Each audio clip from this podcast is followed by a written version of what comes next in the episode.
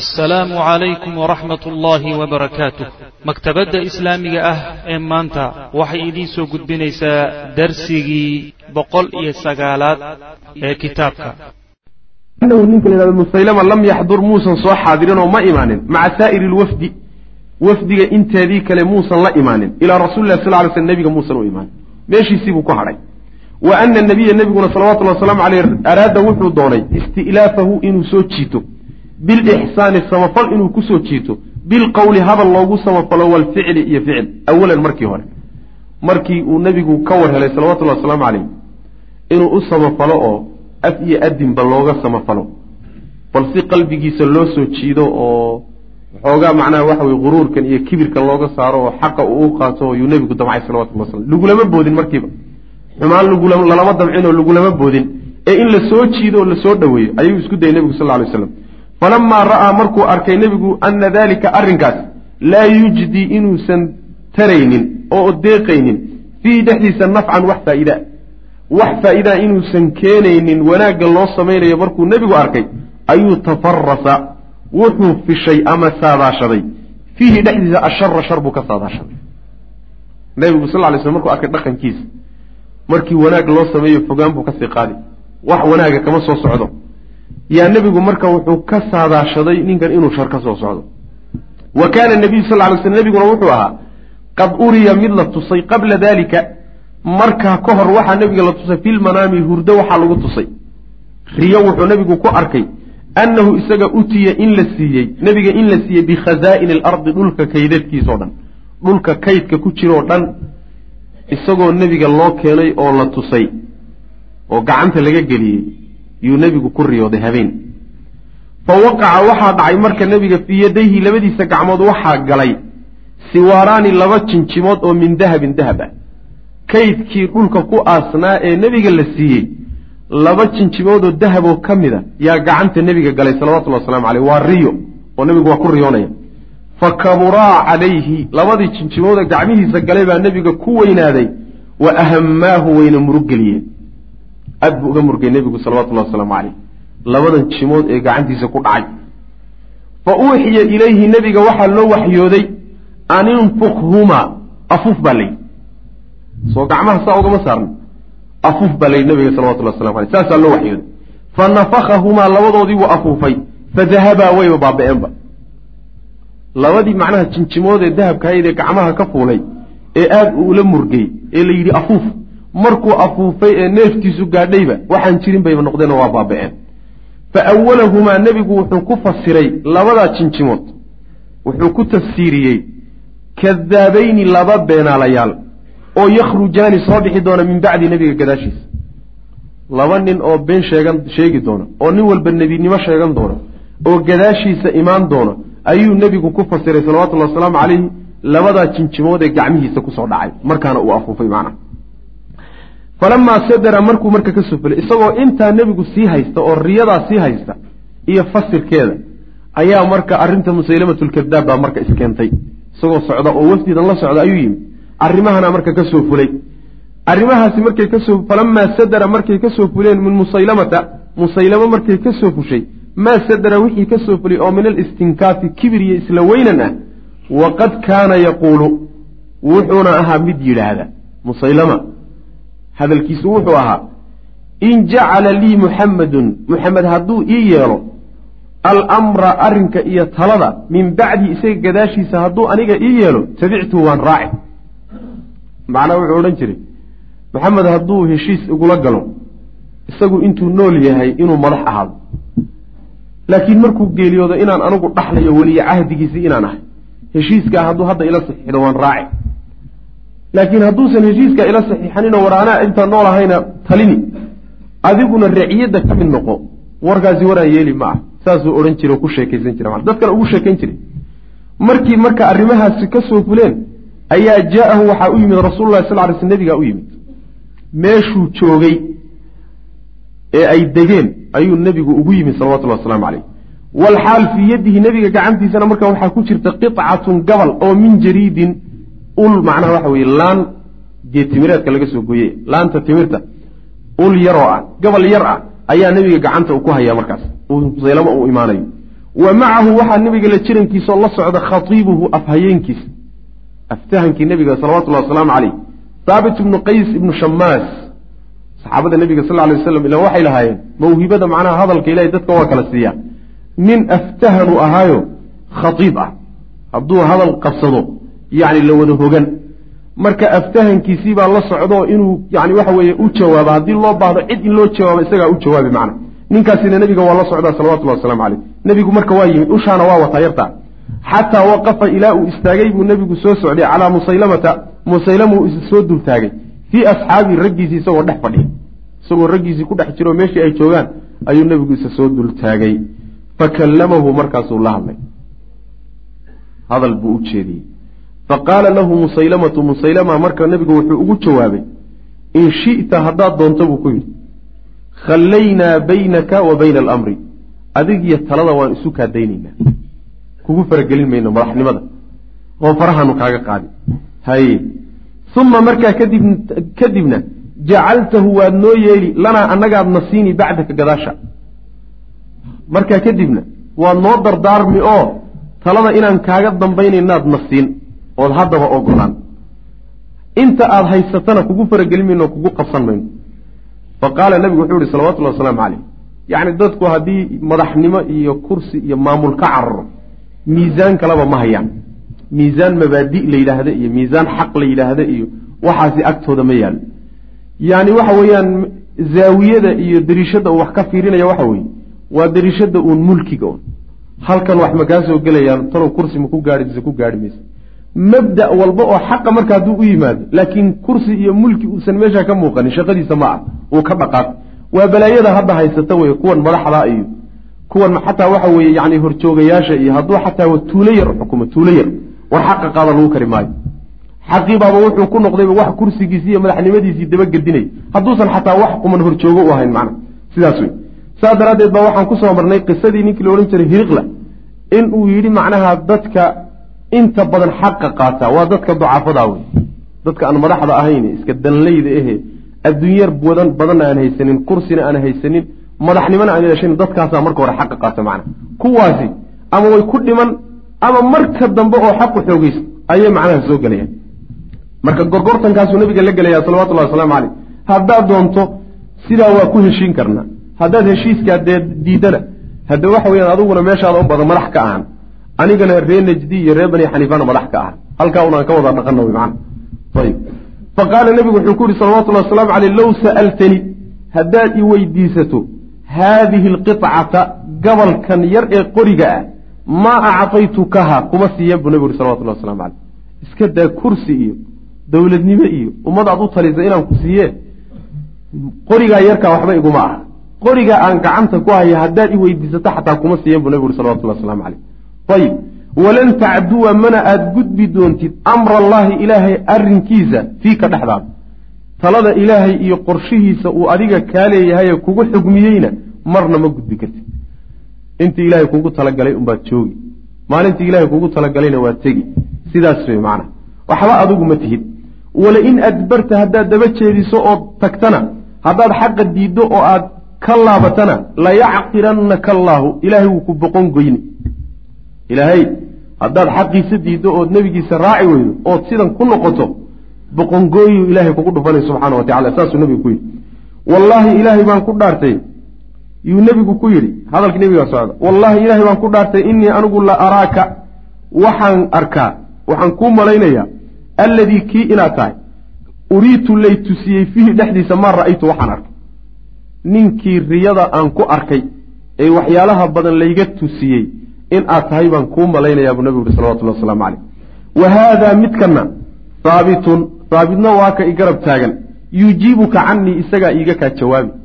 Haabit oo afhayeenkii ah haabit baana hadda wixii ka dambeeyey hadalka la wareegay uma insarafa nebigu waaba iska laabtay salawatullahi wasalaamu caleyh intaas madfaca intuu madaxa kaga dhuftay yuuba ka tegey. Haabit wixii hadda ka dambeeye la xaal buu ku yidhi. Wahaakada wa akhiiran markii ugu dambaysayna waqaca waxaa dhacay maa tafarasa fiihi nabiyu sal lay sl nebigu wuxuu ka filanayey unbaa ka soo baxay. Maxaa yeele fa ina musaylamata ninkii musaylamo la odhan jiray lamaa rajaca markuu laabtay ila alyamaama yamaamo markuu ku laabtay ayuu baqiya joogay. Wuu joogay muddo yufakiru isagoo fikiraya fii amrihi arrinkiisa. Cabaar buu macnaha waxa weye isku mashquulayo maskaxda ka shaqaysiiyey. Wuxuu intaa macnaha waxa weye raadinahayaa jidkii iyo qaabkii uu nebiga tartanka kula geli lahaa salawatullahi wasalaamu caleyh war boqortooye haddaad sheegato boqortooye waa adduunye iyo xaalkeedu dhulka ma dhaafsiisne ninka nasabadaaba la iiga yimaadaa buu leeyahay xaggeed wax ka keentaa. Akhiiran marka waa ka warkuu isku qanciyey. Xata dacaa ilaa uu sheegtay annahu isagu ushrika in lala wadaajiye fi lamri talada maca anabiy sal lay slm nebiga la jirankiisa. Wuxuu yidhi aniga lafteyda kor baa la iiga yimido xagga ilaahay baa malag iiga yimid. Haye waxaana malagu ii sheegay talada iyo maamulka adduunka maxamed waad wadaagtaan. Waad isku leedihiino? Waad u wada talisaan. Saas aniga lafteeda laysoo gaarsiiyey. Ayib fadacaa markaasaa wuxuu sheegtay annubuwata nebinimona waa sheegtay. Nebi baan ahayna waa yidhi wa jacala wuxuuna bilaabay yasjicu inuu macnaha taxo assajacaati tix. Yacni sajciga waxaa la yidhahdaa waa hadalka waxoogaa macnaha aakhirkiisu uu qaab isku qaab u dhacayo hal sawd uu leeyahay ayaa la yidhaahdaa ee macnaha tixda oo kale ah. Hadallo noocaasoo kale uu marka tirini waxaa ka mid a hadalladuu jirin jiray laqad ancama allahu cala alxubla akhraja minha nasamatan tasca min bayni sifaaqin wa xasha. Wax noocaasu akrin waxa macnaheeda haddaad degeysataba adlaya ilaahay wuxuu leeyahay midda uur kale buu u nimceeyey. Wuxuu uurkeeda ka soo saaray naf ordaysa wuxuu macnaha waxa weye feedhaha iyo caluusha dhexdooduna ilmaha ka soo saaray. Waxaase waa wax ilmo yar xataa ku qoslaan macna. Qur'aan buu ka dhigayaa xagga samada ka yimido ilaahay u waxyooday subxana wa tacala saas. Wa axalla wuxuu u xalaaleeyey. Mar hadduu marka leeyahay xagga samadaa la iiga imaanaya waa inuu waxna xalaaleeyo waxna xaaraameeyo sida nebigoo kale. Wa axalla wuxuu u xalaaleeyey liqowmi dadkiisa alkhamra wazina khamrada iyo zinadana wuxuu yidhi xalaal weeye waa la ii waxyooda iyadana wa huwa maca daalika isagoo taasi ay jirto isagoo intaas odhanayo waxaasoo dhan sheegaya ayuu haddana yashhadu wuxuu u qirayaa lirasuuli lahi sal ly sl nebiga wuxuu u qirayaa annahu nebiyun inuu nebi yahay. Haddana bal hadalkiisu isagoo hor imaanayo nebi baan ahay.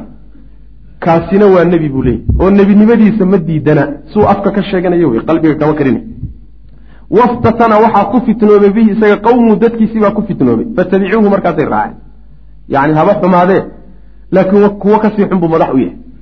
Kuwa uu odayga u yahay baa ka sii xuno.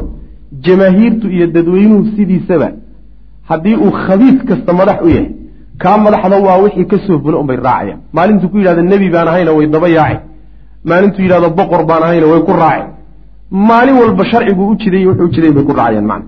Marka wixii saa ahaa qowl qabiilkiisi iyo qoyskiisa waa ku raaceen.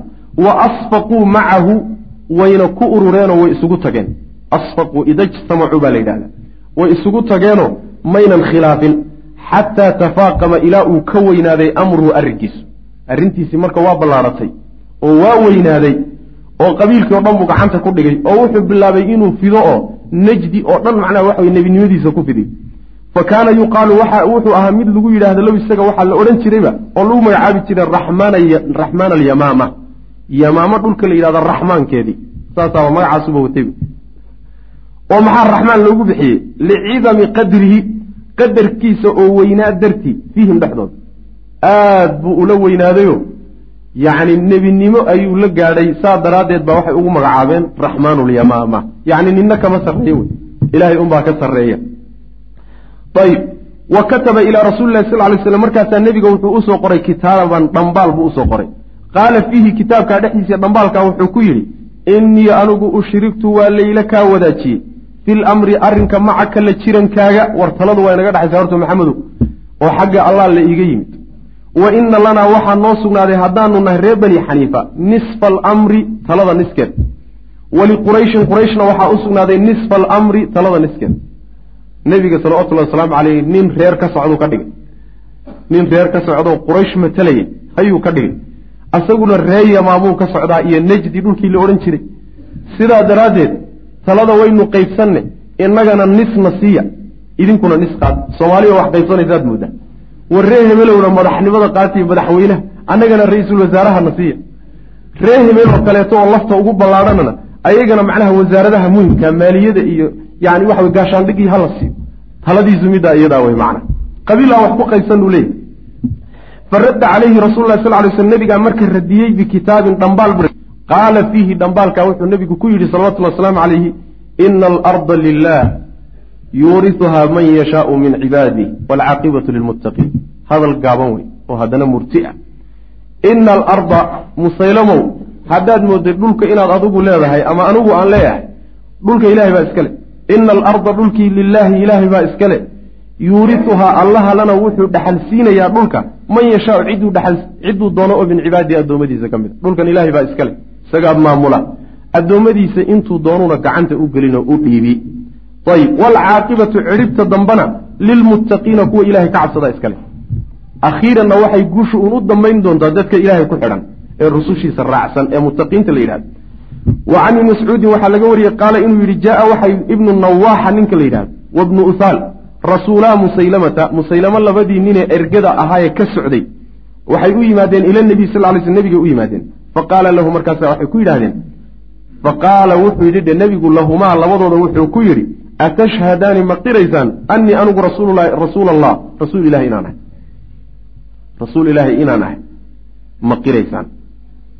Atashhadaani ma qiraysaan? Annii anigu rasuulullah rasuul ilaahi inaan ahay ma qiraysaan. Faqaala waxay yidhaahdeen nashhadu waxaan qiraynaa anna musaylamata musaylamo ninka la yidhahdo rasuulullahi rasuulka ilahi inuu yahay. Hoyaabaa idin warsaday war nebi maxamed ka warramaa laydin yidhi musaylamo maxaa idiin diray? Musaylimaanu qirsannahay dheen inuu rasuul yahay. Fa qaala nabiyu sal ly sl nebigu wuxuu yidhi aamantu billaahi wa rasuulihi. Waxaan rumeeyey alle iyo rasuulkiisa. Low kuntu haddaan ahaan lahaa qaatilan mid dilaya rasuulan nin erga ah la qataltukumaa labadiinanaan dili lahaa buu nabigu uri salawatullah waslamu caleyh saas wey macana maxaa yeele niman rasuul kalaa jirale cid ka gaalaysan ma jirto. Saa daraaddeed ergada iyo ragga macnaha waxa weeye ka socda dowladaha ee fariimaha xambaarsan. Waa ragga hadda la yidhahdo macnaha waxa weye xisaana diblomaasiya. Diblomaasiyiinta la yidhaahdee yani adduunku caalamiyan u dejisan in macnaha waxa weye la ilaaliyo. Haddii aynan jiri lahayn oo sharcigu laftiisa waa qaba sharcigeenu dadka ergooyinka ee ka socda ummadaha ee la soo dirsado ee dowlad ka socda ama ummad ka socdaay si kasta hadduu u qiimo weyn yahay oo jaanis walba dilkiisa ay kugu jirto ma karti ilaa uu waddankiisa ku laabto si nabadgelyana ugu laabto. Marka hadduusan qaanuunka sharciga i celinaynin waan idin dili lahaa buu nabigu uri salawatullahi wasalaamu caleyh saas wey kaana wuxuu ahaa iddicaau musaylama musaylamo sheegashadiisa annubuwata nebinimada uu sheegtayna sanata cashrin sannadkii tobnaad bay ahayd. Wa qutila waa la dilay musaylama fii xarbi alyamaama dagaalkii yamaama lagu dilay fii cahdi abi bakrin sidiiq radia allahu canhu fii rabici bishii rabici lawal baa la dilay sanata itnaa cashar alhijriya. Sanadkii macnaha labiyo tobnaad ee hijriga ahaa ayaa waxaa lagu dilay dagaaladii la magac baxay xuruubu ridda ee abubakr sidiiq radi allahu canhu uu qaaday. Maxaa yele nebigu markuu geeriyooday salawatullahi wasalaamu caleyh ummado fara badan baa islaam ka ridoobay. Qolyahana marka ka mid ah musaylimatu lkadaab nebinimadiisii aba markaa soo baxday uu sheegtay. Markaasuu abubakr sidiiq radi allahu canhu ciidan aada u xoog badan buu u diray meeshaa rag aan yarayn oo saxaabada ka mid a ayaa lugta kula baxay dagaalkii lala galay nimanka reer bani xaniifa la yidhahdo ee musaylimo lagu dilay macna. Qatalahu waxaa dilay ninkaa musaylimo la yidhahda waxshiyun baa dilay qaatilu xamzata. Xamze bna cabdilmualib ninkii dili jiree waxshi ahaa ayaa musaylamana gacantiisa ku dilay. Oo taqriiban wuxuu odhan jiray dad ilaahay ninkii ugu fiicnaana waan dilay gacanteydaan ku dilay. Kii ugu xumaana gacanteydaan ku dilay. Ilahi subxana wa tacala inuu igu dambi dhaafo ayaan rajaynayaa buu odhan jira macnaha ayib wa ama almutanabi athani. Waxaa qisada marka riyada nebiga ku soo arortay salawatullahi wasalaamu caleyh qisada nebiga waxaa ku soo arortay nin labaad oo beenaalaa inuu jiro. Oo isagana dib ka imaan doono nebinimo sheegan doono? Waa ka kii labaadna wa ama almutanabi athani.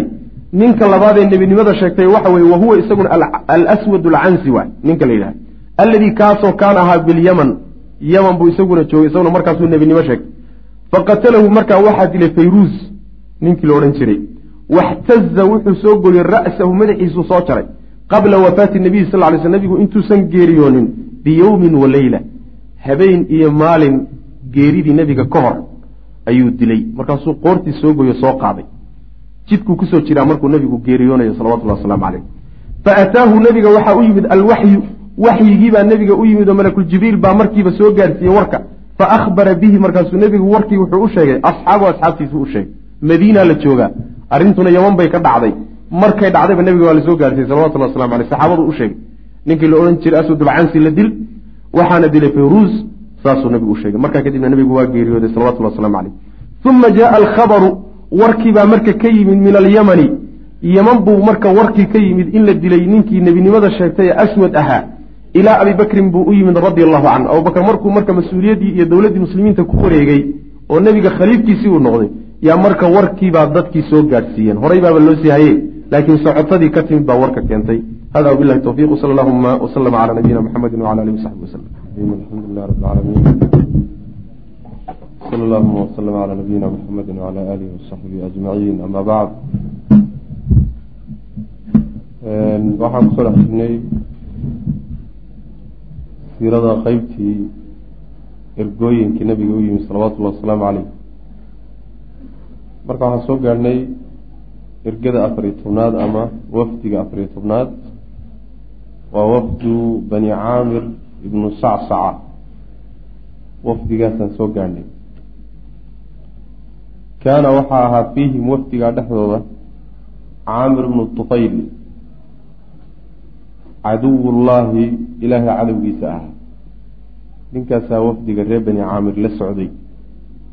Cadow ilaahayna ahaa. Wa arbad ibnu qays ayaa isaguna la socday. Akhuu labiid liummihi labiid lee xagga hooye ka walaalo ahaayeen. Labiid ibnu rabiica ninkii shaacirka ahaa ee gabayaaga ahaa ee mucallaqaat sabca. Mid ka mida iska lahaa mucallaqaadka mid ka mida lahaa ninkaasi xagga hooye ka walaalo ahaayeen arbadkaasi wa khaalid ibnu jacfar baa wafdiga ku jiray wa jabbaar ibnu aslam wa kaanuu waxay ahaayeen ruasaa wa kaanuu waxay ahaayeen ruasaa ru'asaaa alqowm qabiilka reer bani caamir la yidhahdo madax bay ahaayeen madaxdooda ayay ahaayeen nimankaas. Wa shayaaiinuhum qabiilkaa shayaadiintooday ahaayeen. Yani dadka shiriiriinta ee ugu shar badan ee ugu dhibka badan madaxnimona markaasi ku magacaaban yay ahaayeen. Wa kaana caamiru caamir wuxuu ahaa alladii huwa isagoo alladii kiibuu ahaa hadara ku ballan furay biasxaabi bi'ri macuuna. Bi'ri macuuna asxaabtiisii nimankii la baxay kooxdii ceelka macuuno la yidhaahdo nimankaa ninkii ballanfuryada ku sameeyey ee laayey buu ahaa. Asxaabu bi'ri macuuna waan soo marnay saxaabo quraa ah oo fara badan oo nebiga salawatullahi wasalaamu caleyhi uu diray oo qabiil ku socday ayay ahaayeen. Qabiil inay wax soo baraan u socday. Marka dhexdu uga baxay markaasuu laayey falamaa araada markay damceen hada alwafdu wafdigaasi markay damceen an yaqdima almadiinata madiine inay yimaadaan ayaa ta'aamara waxaa shirqool ku heshiiyey caamir wa arbad. Labadii nin odayaasha ah yaa waxay ku heshiiyeen barnaamij ay nebiga ku shirqoolayaan salawatullahi wasalaamu caleyh waitafaqa waxayna isku waafaqeen cala alfatki binnabiy sal lla alay slam in nebiga la dilo nebiga dilkiisa si qarsoon inay u iqhtiyaalaan yay ku heshiiyeen. Falamaa jaaa markuu yimid alwafdu wafdigii markay yimaadeen ayaa jaaa jacala wuxuu bilaabay caamiru caamir yukallimu nabiya sal ly slm nebiga inuu la hadlo. Hadal buu u bilaabay wa daara waxaa soo wareegay arbadu arbadna waa soo wareegay khalfahu nebiga gadaashiisa wakhtarata wuxuu la baxay sayfow seeftiisa shibran taako. Seeftuu galka ka siibay intaa ka macnaha waxay ku heshiiyeen anaa maaweelinayo caamir baa odhanaya anaa maaweelinayo sheeko u qabanaye markuu ishalmaamo xagga dambe intaad ka wareegto seefta la baxdo qoorta ka goob. Saasaa la isku ogey kan marka xagga dambuu ka soo wareegay seeftiina waa la baxay. Seeftii markay intaa ka a u baxday oo galkii ka baxday yay diiday inay baxday. Uma xabasa allahu ilaahay baa celiyey yadahu gacantiisa allah gacanta qabtay. Oo falam yaqdir ma uusan awoodin calaa sallihi seeftii siibitaankeeda seeftii intaaba waa soo dhaafin kari waaye. Waa nin ilaahay waardeynaya subxaana wa tacaala. Yaa macnaa waxa way dhib gaadhsiin karay. Wa casama allahu ilaahay wuxuu ilaaliyey nebiyahu nebigiisina ilaahay baa ilaaliyey wa dacaa calayhima wuuna habaaray annabiyu sal lla alay slam labadii nin wuu habaaray. Ilan arrintii laga warheliye way fashilantay. Markaasuu nebigu salawatullhi wasalaamu caleyh habaar u dhaamiyey labadoodiiba falamaa rajaca markay laabteen ayuu arsala allahu ilaahay wuxuu diray calaa arbad. Labadii nin midkood oo arbad ah iyo wa jamalihi ratigii uu saarnaabuu ilaahay wuxuu ku soo diray saaciqatan yani hanqadh fa axraqathu markaasay gubtay saaciqada macnaha baashan jacda la yidhahdo ama hanqarhka la yidhahdo wey baashaasaa isagoo ratigiisii saaran buu ilaahay samada kaga soo daayay. Markaase isagii ratigiisiiba isla gubteen macnaha. Labadii oday meeshaasuu midkood ku dambeeyey. Wa amaa caamiru caamir miya fa nazala wuxuu ku degay cala imra'atin haweeney buu ku degay saluuliyatin oo reer saluul ah. Haweeney reer saluul ah buu marti ahaan ugu degay oo gurigeeda uu tegey fa usiiba markaasaa waxaa lagu asiibay oo ku dhacday biguddatin qanjib. Yani waxa weeyaan qanjib baa halkaa ka soo baxay fii cunuqihi luquntiisa fa maata markaasuu dhintay. Yani waxa weye gudada waxaa la yidhahdaa qanjaha la yidhahdaa geela macnaa waxa weye cudurka ku dhaca qanjaha la yidhahda dadkana qanjibkoo bararaa la yidhahdaayo macnaa waxa weeye ku xumaada. Marka qanjirkaa laga soo baxay halkaa qanjirka ee dhegta hoosteeda ah yaa laga soo booday sida qanjaha geel oo kale. Fa usiiba bigudatin fii cunuqii famaata waa dhintay. Wa huwa yaquulu isagoo leh aguddatun ka guddati albaciir war ma qanjir qanjaha geeloo kala aba yani ma qanjir qanjihii geeloo kale ah? Yaaba maanta aan yani waxa weeye dhulka la allaayoon la dhiman rabaa saasuu leeyay iyo wa mowtan geeri miyaa fii beyti saluuliya haweeney reer saluul ah miyaan gurigeeda ku dhiman. Ma qanjir baan u dhiman oo naag reer saluul aan gurigeeda ku dhiman miyaa. Wuu la yaabaya macna. Wa fii saxiixi albukhaari saxiix albukhaari waxaa ku soo aroortay ana caamiran ninka caamir la yidhahda ata nabiya sal ly sl nabiga inuu u yimid faqaala markaasuu nabigu ku yihi nabiga wuxuu ku yidhi caamir baa odhanaya caamir waa nabiga hadal ujeediye wuxuu ku yidhi yani ukhayiruka waxaan ku door gelinayaa bayna ikhtisaalin halaad saddex arrimood midkood in aada doorataan rabaa yani sidii ninkii la odhan jiray xalay aan soo marnay musaylamat lkadaab oo kaleetuu nebiga doonaya inuu gorgortan la galo. Gorgortanka wuxuu ku salaysan yahay wuxuu rabaa inuu heshiis kala galo qaabkii looga talin lahaa jaziirat alcarab aan kula maamulo saasoo kaleetu macnaha tala ku soo jeedinaya. Marka saddex arrimood saddex arrimood tii kuu roon dooro buuri midda koobaadi waxa weeye yakuunu waxaa ahaanaya laka adiga ahlu sahli dadka yacni reebaadiyaha dadka reebaadiyaha sahliga dooxa baa la yidhahdaa. Dadka dooxada xoolaha ku dhaqday xoola dhaqatada ah yaad adigu leedahay weliya anna waxaan leeyahay ahla almadari weliya anna waxaan leeyahay ahlulmadari dadka reemagaalka ah. Madarku waa magaalooyinka magaalooyinkana anigu aan ka taliyo. Adiguna dadka yacni baadiyahe xoolo dhaqatada ahee dooxooyinka xoolaha ku dhaqda kuwa adiguna u tali. Saasuu leeyahy taasi waa mid oo inoo qayb dhulkii dhulkii qaaraad adigu ka talisay qaar anigu ka taliya inooga dhig. Kow aw amase akuunu aan ahaanaya waxaan noqoni khaliifataka ninka kaaga dambayn doona khaliifataka yacni ninka kaaga dambayn doona arrimaha maamulka min bacdika gadaashaada markaad adigu geeriyooto ninka mas'uuliyadda qaban doona ee hawshan la wareegi doona yaa noqon waa khiyaarka labaad. Aw amase khiyaarka saddexaadi waxa weeye aqzuuka waan kugu soo duuli biqatafaan.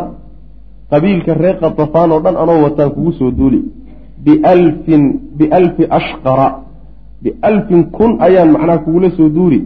Ashqara oo macnaha cascas wa alfin iyo kun shaqraa oo cascas macnaha waxa weeye shaqraa waa dhadiga ashqarkuna waa labka yaani laba kun oo lab iyo dhadig isu dhex yaalla oo midabkoodu uu casaan yahay ayaan kugula soo duuli wey macna.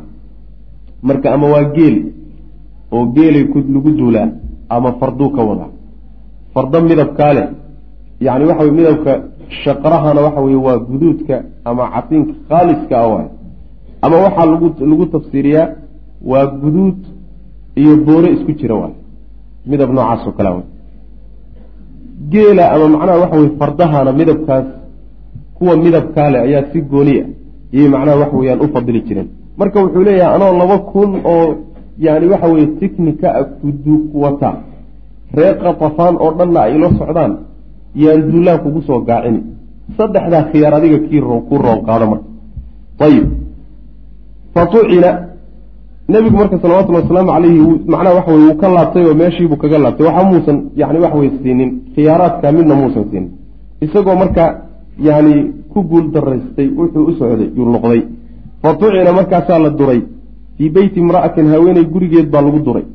Isagoo guri haweeney marti oo jooga unbaa lagula soo boodayo. Luqunta unbaaba markiiba laga soo kuday. Fa qaala markaa wuxuu yihi aguddatun ma qanjidh baa oo ka guddati albaciiri ratiga qanjihiisoo kale geela qanjihii ku dhici jira oo kale ee dili jiray oo kale tamiya. Fii beyti imra'atin weliba haweeney gurigeed dhexdeeda. Haweeneydaasoo min bani fulaanin ree hebel ah. Haweeney ree saluul ah miyey weliba gurigeeda igu heshay. I'tuunii ii keena buuhi bifarasii war faraska ila soo gaadha. Farakiiba markaasuu faraskii fulay waa sakaraad. Xagee buu u baxsanoo u carabi. Faraskiibuu dusha ka fuulay fa maata wuu dhintay calaa farasihi faraskii isagoo dul saaran halkaasuu ilaahi subxaana wa tacaala isagana arrinkiisii ku soo afjaray. Wafdigii markaa reer bani caamir sidaasay ahaayeeno nimankaa sharka badan ayaa ku jiray waana nimankii gacanta hore geystee saxaabada badan laayey wey. Wafdiga shan iyo tobnaadi waxa wey wafdu tujiib qabiilka reer tujiib la yidhahdo wafdigoodii wey. Qadima hada alwafdu wafdigaasi wuu yimid oo wuxuu keenay bisadaqaati qowmihi tolkii iyo dadkii ay u telinayeen sadaqadoodii iyo zakadii ka go-day iyagoo waday keeneen. Sadaqadaas iyo zakadaasoo mimaa shay ka mid a. Fadala dheeraad ka noqday can fuqaraa'ihim fuqaradood wixii ka dheeraaday fuqaradood yani dadkii iyaga ka mid ah danleydee baahnaa markay zakadii iyo wixii xoolaha ka go'ay u qaybiyeen wixii soo hadhay ee dheeraad noqday iyo marka nebiga u keenay salawatullahi waslamu caleyh wa kaana alwafdu wafdiguna wuxuu ahaa halaathata cashara rajulan saddex iyo toban nin bay ahayd.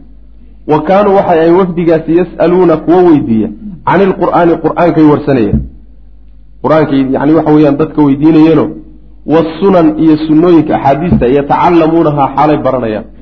Markay meesha yimaadeenba waxoogaa bay joogeen. Intaa waxay ku mashquulsanayeen qur'aanka barashadiisa iyo axaadiista nebiga salawatullahi waslamu caleyh maxaa yeele waa odayaal oo mabda-an ay qaateen iyo islaamnimaday qaateen baa laga maarmaan ah inay maanta ugu taliyaan bulshaday ku laabanayaan haddayna marka baranin maxay ugu talini waa inay bartaan. Wa sa'aluu way weydiiyeen rasuul allahi sal ly sl nabiga waxay weydiiyeen ashyaaan waxyaalo badan. Ashyaaa waxyaalo badan bay nebiga weydiiyeen fa kataba lahum markaasuu nebigu u qoray biha ashyaadii. Waxyaalahay warsadeen yaa loo qoray. Walam yutiiluu mana aynan dheeraynin allubsa nagaadiga joogitaanka nebiga ay la joogeen muddo dheer ma ahayn markiiba way laabteen. Walamaa ajaazahum rasul lah sal lay slm nebigu markuu yani abaalgudki siiyey ijaazada waxaa la yidhahdaa yani jamcu waxaa laga wadaa macnaha acطaahum ljaa-iza jaa-izada waxa la yhahda wafdiga kuu timaaday iyo caadi waagi hore waxaa aan jirtay.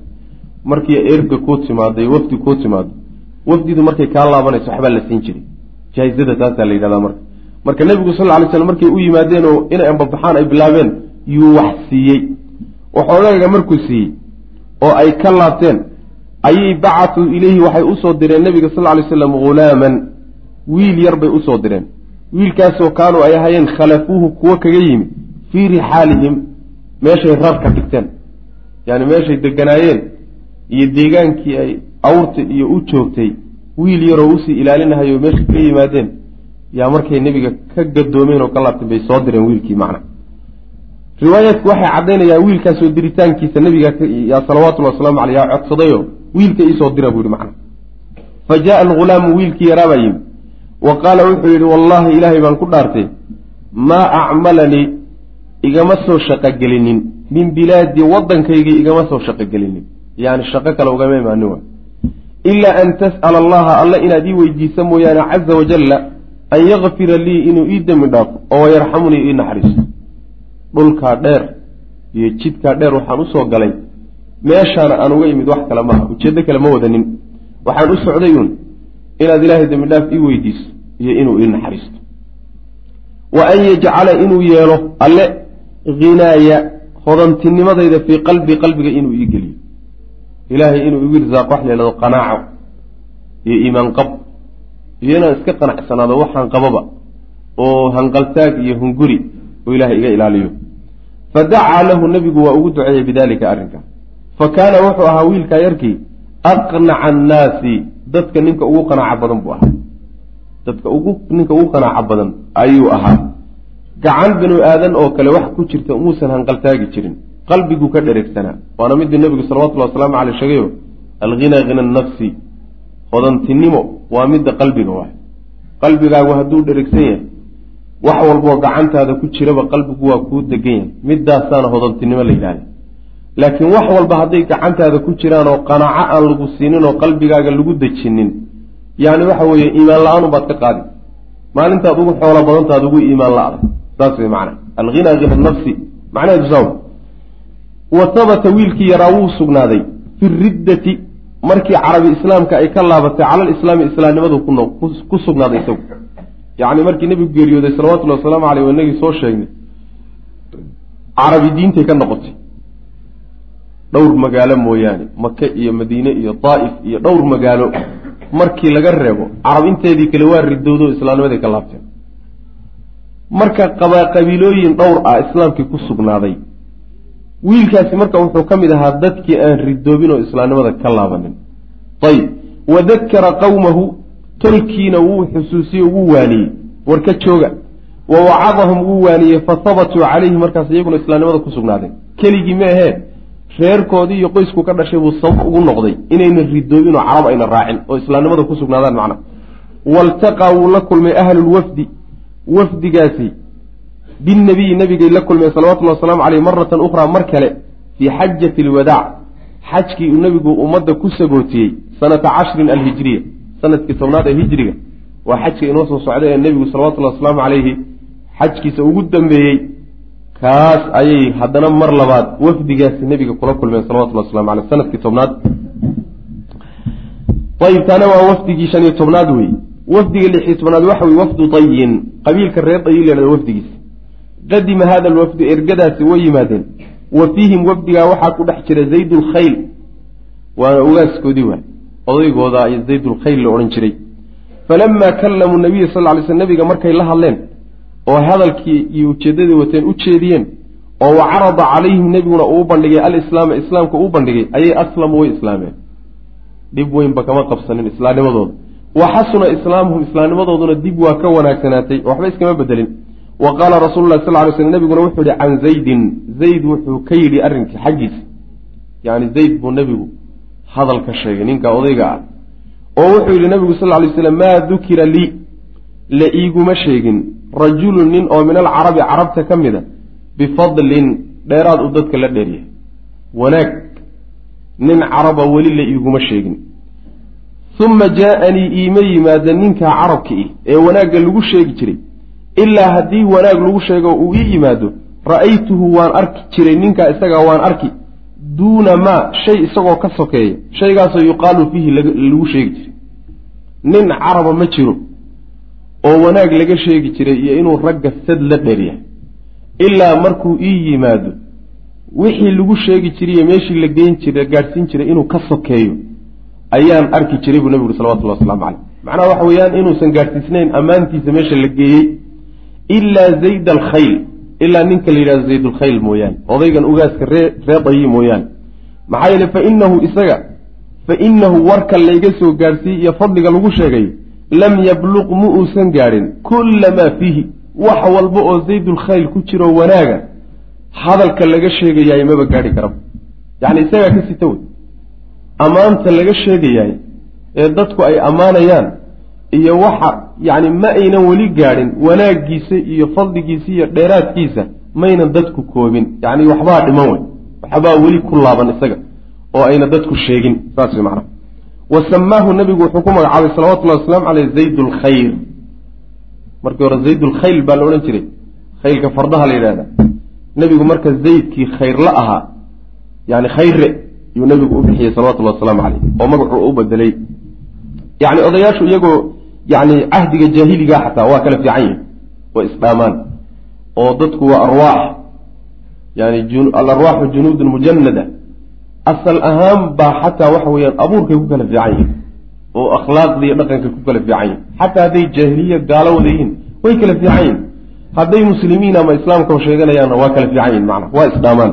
Islaamkana waa u kala dhow yihiin wahaakada sidaasaa tataabacat ay iska daba dhacday alwufuudu wufuudi saasay isaga daba timid ila lmadiinati madiine xaggeed fii sanatay tiscin wa cashrin labadii sane ee tobnaad iyo kii sagaalaad saasay wafdigu isaga daba dhacaysa. Maalintii nebigu tabuu ka soo laabtay bal ka hor fatxu maka markuu dhacay nebigu maka uu furtayba wafdigii bilaabatay iyo qabaa-ishii ergooyinkoodu imaanayeen say u socdeen buu nebigu ku geeriyooday salawatullahi wasalaamu caleyh yani arle ilaahay oo dhan baa laga yimid. Waqad dakara waxay sheegeen ahlulmaghaazi culimada siirada iyo wasiyar dhe duulaamadii nebiga iyo noloshii nebiga culimada yaqaane ee ka shaqeeyaay waxay ka sheegeen minha yani wufuudda waxay ka sheegeen wufuudu ahli lyaman yani qaar buu inoo faafayey ila lix iyo toban buu inoo faafahayey halkanna qaar buu iska soo duuduubayo way daba dheeraadeen. Minhaa waxay ka sheegeen wufuudu ahlilyaman yeman wafdigii ka socday. Yeman dadka dega wafdigii ka socday.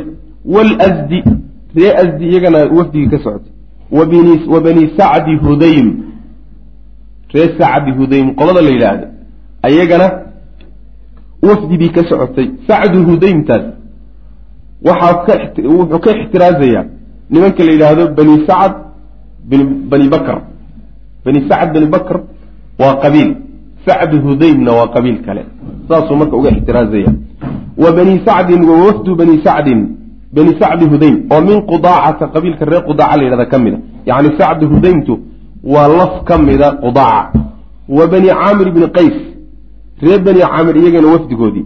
Wa bani asad reer bani asad wafdigoodii. Wa bahra qabiilka reer bahraa la yidhahda iyagana wafdigoodii. Wa khawlaan iyaguna khawlaan wafdigoodii. Wa muxaarib wa bani lxaaris bni kacbin.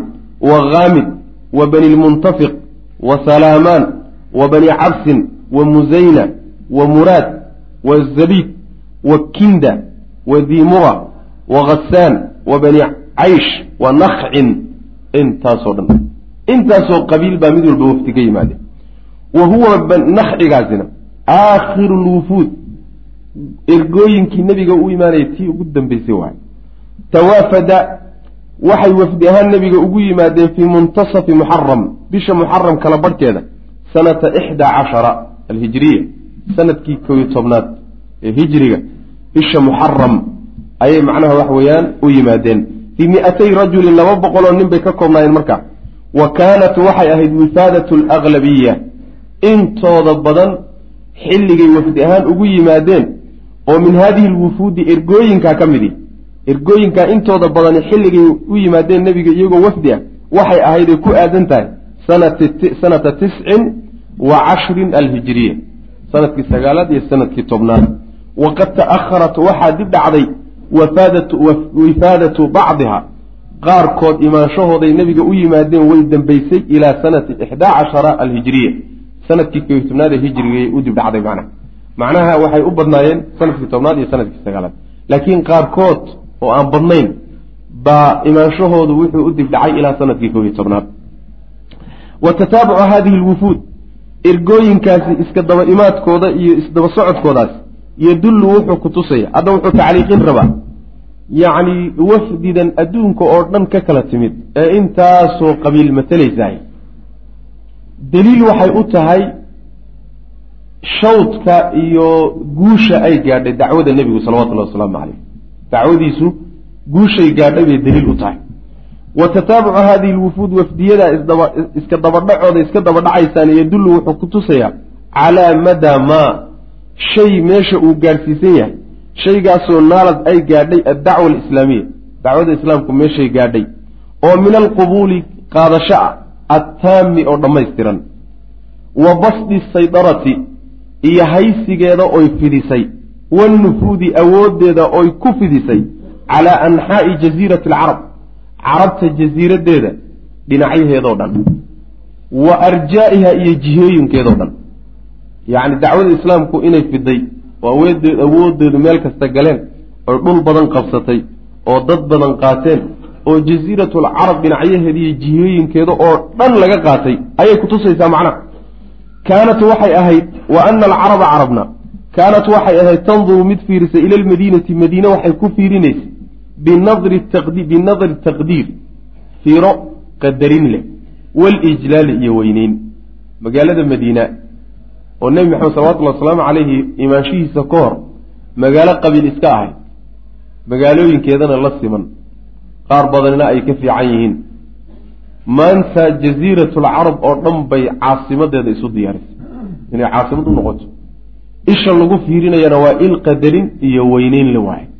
Magaalooyinka kale lama sinna saas way macana xataa lam takun ilaa ayna ka ahaanin tara carabi taraa mid arkaysa maxiisan meel loo cararo canil istislaami hoggaansan meel looga cararo amaamahaa madiine horteeda la hoggaansamo madiine in laysu dhiibo oo la hoos taga mooyaane meel kale inaan loo fakan karaynin carabi taasay ku qanacday oo macnaha aragtay faqad saarad waxay noqotay xaqiiqa almadiinatu madiina waxay noqotay caasimatan caasimad bay u noqotay xarun lijasiirati alcarab.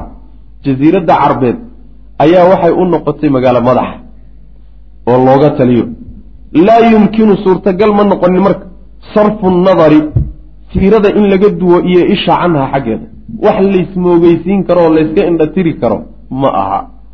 Yacni annagu meeshanada qabiilkanaga ree hebel baa nala dhahayo meeshanada caasimad noo aho shaqo nagama gelin magaalada madiine oo warkaasoo kale war dhici kara ma ah maxaa yeele madiina waxay liqday jaziiratulcarab oo dhan bay liqday. Wax layska dhagatiri kara marka ma aha.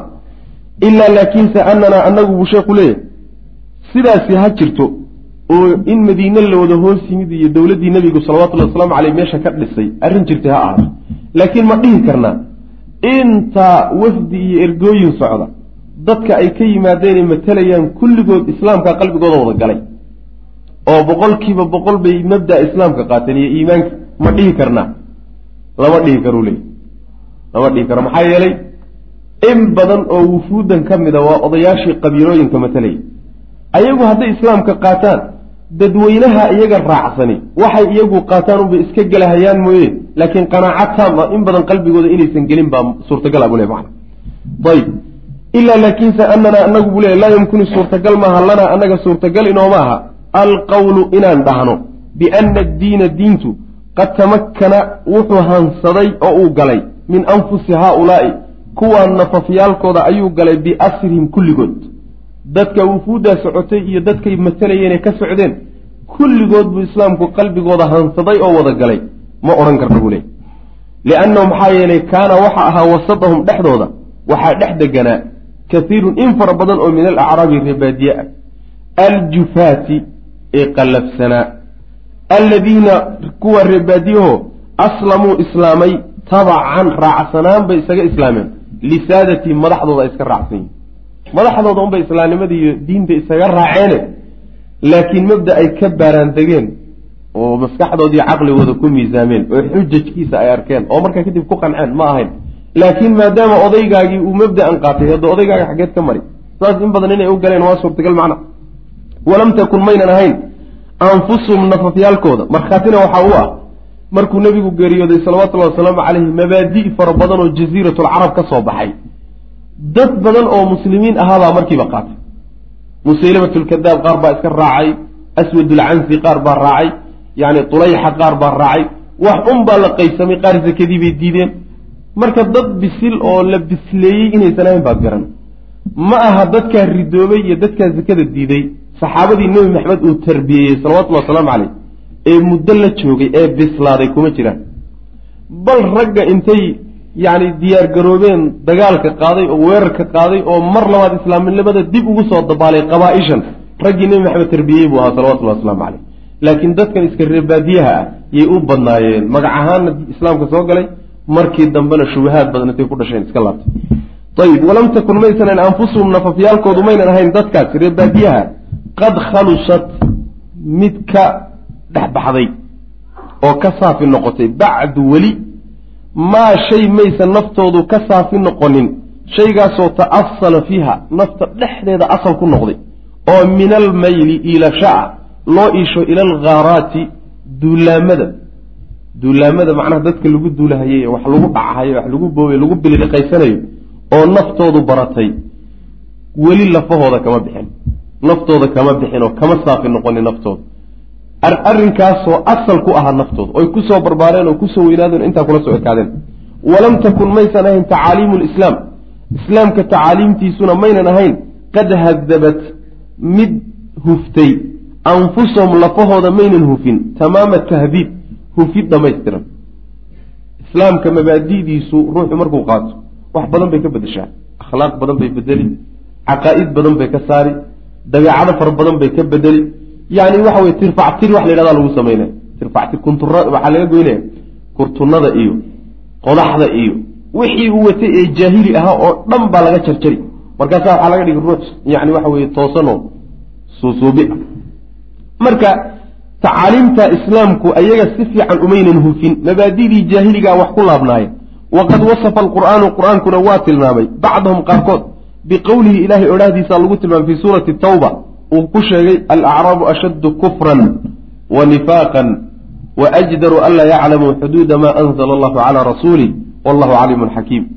Wa min alacraabi man yatakhidu maa yunfiqu magraman wayatarabasu bikum addawaa'ir calayhim daa'iratu saw wallahu samiicun caliim reebaadiyaa laga hadlay.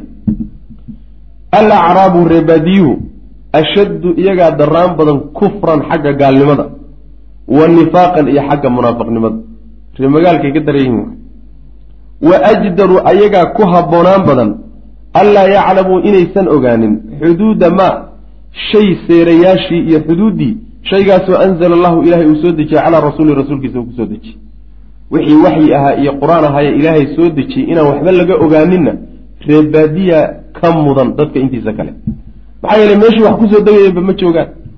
Hadday yimaadaanna ayagoo ama neef geela daba jooga ama neef adya daba jooga ama waxoogaa magaalada u soo raadsaday bay imaana dantooda hadday ka dhamaystaan suuqday ka yimaadeen bay ku laabanayaan marka waxba kama oga wax ilaahay sheegay iyo wax ilaahay ku soo dejiyey wax nebi sheegay iyo waxba kamay oga macana ayagaasaa ku habboonaan badan bu alla lehy subxana wa tacala wallahu allana caliimun kii og waya xakiimun oo falsan. Wax walbuu og yahay shay walbana meeshuu lahaabuu dhigaa.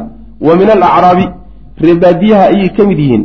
Man cid yatakhidu samaysanaysa ka dhiganaya maa yunfiqu waxa uu bixinayo maqraman qaramaad yani maqramka waa ganaax.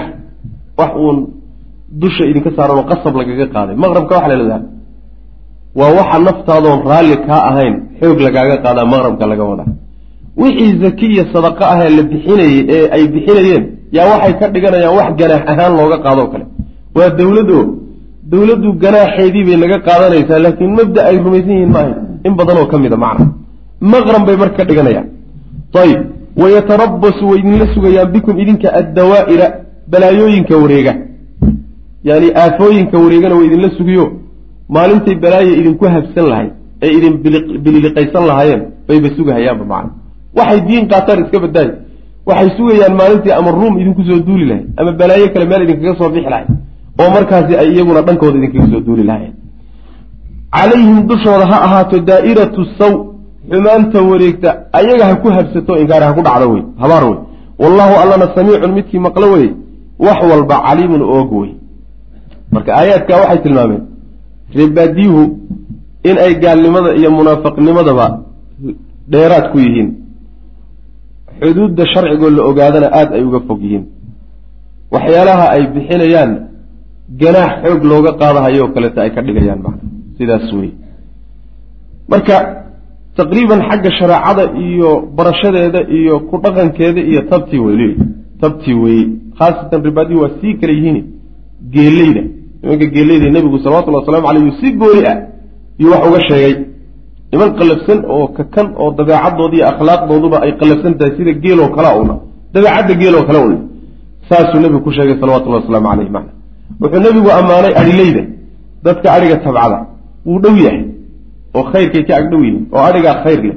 Laakiin geelu waa shayaadiin wey siduu nebigu sheegay sal alay wasalam marka reebaadiyihii waa la caayay wa asnaa calaa aakhariin talow ree magaalku ma ka fiican yahi maya qaar badan oo ka mida ree magaalku ma dhaamaan reebaadiyaha bal waayahan dambe munaafiqnimada ree magaalkaa ku badiyay reebaadiyaha meeshaad isku ogeydeen baad ugu imaan. Laakiin laqdamo iyo laalaab iyo waxay siyaasad ku magacaabaan oo khayaano ah. Ree magaal baa loogu yimaada macna. Wa min ahli lmadiinati maraduu cala anifaaq ilahi baa yidhi subxana wa tacala dadka magaalada laftiisu qaar munaafiqnimo ku xididaystay oo ku madax adag baaba iyaga laftooda ku jira macna wa asnaa calaa aakhariina qolo kale ilaahay waa ammaanay oo minhum reebaadiyaha ka mid. Reebaadiyihii lama wada caayine. Qaar baa ammaan loo soo jeediyey faqaala alla wuxuu yidhi wa min alacraabi reebaadiyaha ayay ka mid yihiin. Man yu'minu qolo rumaynaya billaahi ilaahay rumaynaya. Walyowmi alaakhiri maalinta aakharana rumaysan oo wayatakhidu ka dhiganaya. Maa yunfiqu waxa uu bixinayana qurubaatin asbaab ilaahay u dhoweysa cinda allahi ilaahay agtiisa. Waxaan uu baxsanayo ilaahay ugu dhowow oo ridihiisa iyo jannadiisa ku gaadh buu u bixinaya. Wa salawaati arasuuli waxaa kaloo ka dhiganayaan waxay bixinayaan salawaati arasuul nebiga salawatullhi wasalaamu caleyh ducadiisa wax ay ku gaadhaan. Ayay ka dhiganayaan macnaha ila nebigu sal ly slam markii sadaqa loo keeno zake loo keeno wuu u ducayn jiray dadka zakada keeno wasalli calayhim ina salaataka sakanun lahum. Waa ki ilahi ku yuri subxana wa tacala u ducee markay zakada keenaan macnaha hud min amwaalihim sadaqatan tuطahiruhum watuzakiihim wasalli calayhim saas wey macna ayib alaa hooyay buu alla yidhi subxaana wa tacaala inahaa sadaqadaa ay baxsadeen qurbatun dhowaansho ayay lahum iyaga u tahay ilaahay bay u dhoweyno rabbigood subxaana wa tacaala bay ka ag dhowaaniyo khayrkiis sayudkhiluhum allahu allana wuxuu gelin doonaa fii raxmatihi naxariistiisuu gelin doonaa ina allaha alla kafuurun waa midkii dembi dhaafa raxiimun oo naxariista wey marka saasaa loo kala qaaday wa ama alxaadiruuna qoladii laakiin deganaa oo minhum ayaga ka mida fii makkata waalmadiinata wasaqiif qoladii deganeyd meelahaas. Wa kaiirun in badan oo min alyamani waalbaxrayn yaman iyo baxrayn ah faqad kaana wuxuu ahaa alislaamu islaamku wuxuu ahaa fiihim dhexdooda qawiyan mid ku xoog badan. Maxaa yeele raggii rugcadaaga ahaa ee culimadii ahaa ummadda saxaabadii nebiga ahaa salawatullahi wasalaamu caleyh ayaa magaalooyinka u badnaayoo joogay saa daraaddeed ridda kama dhicin intooda badan. Wa minhum waxaa ka mid a dadka magaalooyinkaa joogay kibaaru saxaaba. Saxaabada raggoodii waaweynaa wa saadaatu lmuslimiin iyo muslimiinta hormuudkoodii iyo madaxdoodii. Raggii macnaha ummaddan daata u horreeyey oo raggu nebigu tarbiyeyey salawatullahi wasalaamu caleyh ayaa magaalooyinkaa joogay. Halka ayuu marka wufuuddii iyo tacliiqintoodii kaga soo baxay. Ilaa macnaha waxa weye dhowr iyo toban wafdi iyo tacliiq yar uu ka dambeysay ayuu sheekhu halkaa ku soo gabagabeeyey najaaxu dacwati wa aharuha wuxuu halkana miisaan lagu saaraya guushay gaadhay nebiga dacwadiisu salawatullahi wasalaamu caleyh iyo raadka ay reebtay. Taasaa la miisaamaya. Laga soo bilaabo maalintii nebiga salawatullahi wasalaamu caleyh xilka la saaray oo la yidhi yaa ayuha almuzammilu qum fa andir. Ka kac fadhiga la yidhi maalinkaa laga bilaabo ilaa maalinku geeriyooday. Guul inteen la eg buu mabdi u watay gaadhay. Tilaabooyinkeebuuse u maray nebigu salawatullahi wasalaamu caleyh yacni waa khulaaso wey najaaxu dacwati dacwada guusheedii guushay gaadhay iyo wa atharuhaa raadkay reebtay. Wa qabla an nataqadama intaynaan horay u qaadin khudwatan tilaabo ukhraa oo kale ilaa mutaalacati awaakhiri ayaami xayaati rasuuli sal ly waslam nebiga noloshiisa maalmihii ugu dambeeyey daalacashadeeda intaynaan tilaabo kale horay ugu qaadin yembaqii ayaa waxaa habboon lana annaga noo habboon an nulqiya in aan ridno bal nadratan fiiro ijmaaliyatan oo guudmar ah fiiro duuduuban oo aan tafaasiil hoose la gelin in aan bal ku tuurno calal camali shaqadii bal inaan fiiro ku tuurno shaqadii aljalali ee weynaa camalkii weynaa. Alladii camalkaasa huwa isaguba fadlakatu xayaatii nebiga noloshiisa salawatullahi wasalaamu calayhi yacni khulaasadeeda ah. Fadlakada waxaa la yidhahda fadlaka. Waxaa la yidhahda almujmalu waalkhulaasa. Mujmal wa khulaasatu maa fusila awalan min xisaabin wagayri waxa marka marka hore laga soo hadlo oo la soo qaada dhigo oo la soo faahfaahiyo oo la soo cadcadeeyo marka dambe ayaa waxaa la yidhaahdaa gunaanad ama xoorin ama waxaad tidhahdaa duuduubid. intaba waa la fadlakada yacni soo duuduub khulaasadii iyo soo duuduubid iyo soo uruurintii iyo soo xoorintii noloshii nebiga salawatullhi wasalaamu caleyh camalkii weynaa ee uu qabtay kaasaan bal macnaha waxoogaa si duuduuban u fiirinayna waladii camalkaasoo imtaaza uu kaga soocmay nebigu bihi isaga can saa'iri alambiyaa nebiyada intooda kale uu kaga soocmay waalmursaliina iyo rususha intooda kale. Macnaha wuxuu kaga soocan yahay wuu kaga fiican yahay wuu kaga fadli badan yahay. Ila nabigeena salawatullahi wasalaamu calayhi yani iyo rususha kaleba mas'uuliyadii xil dacwa loo sii dhiibay. Natiijada iyo midhaha ay soo saareen marka ma ay gaari karaan nebi maxamed salawatullahi waslamu caleyh aakhare marka laysu tago oo nin walba dadkii raacsanaa ee rumeeyey meesha la keeno. Ambiyada kale iyo rususha kale oo dhan ma ay gaari karaan. Kama ag dhowaan karaan macnaha dadka raacsan. Marka camalka uu sameeyey ee rusushu ku gaari weyda muxuu yahay? Bal aynu fiirino. Xataa tawaja allaahu ilaa uu koofiyad mulki alla u geliyey haamataw madaxiisa tawaja baa la yidhaahdaa idaa adkhala fii ra'sihi taaja taajku waa macnaha koofiyad macnaha mulki iyo boqortooye iyo wax saasoo kaleeta boqoradu xidhaan marka ilaahay baa wuxuu madaxa u geliyey koofiyad boqortooyo bisiyaadati alawaliina inuu hogaamiyo kuwii hore iyo walaakhiriina kuwa dambeba yani in alle intii isaga ka horreysiyey inta ka dambayn doontoba walaalayaal darsigaani halkaas ayuu ku eg yahay. Allah tabaaraka wa tacaala waxaan ka baryaynaa inuu nagu anfaco assalaamu calaykum waraxmat ullaahi wbarakaatu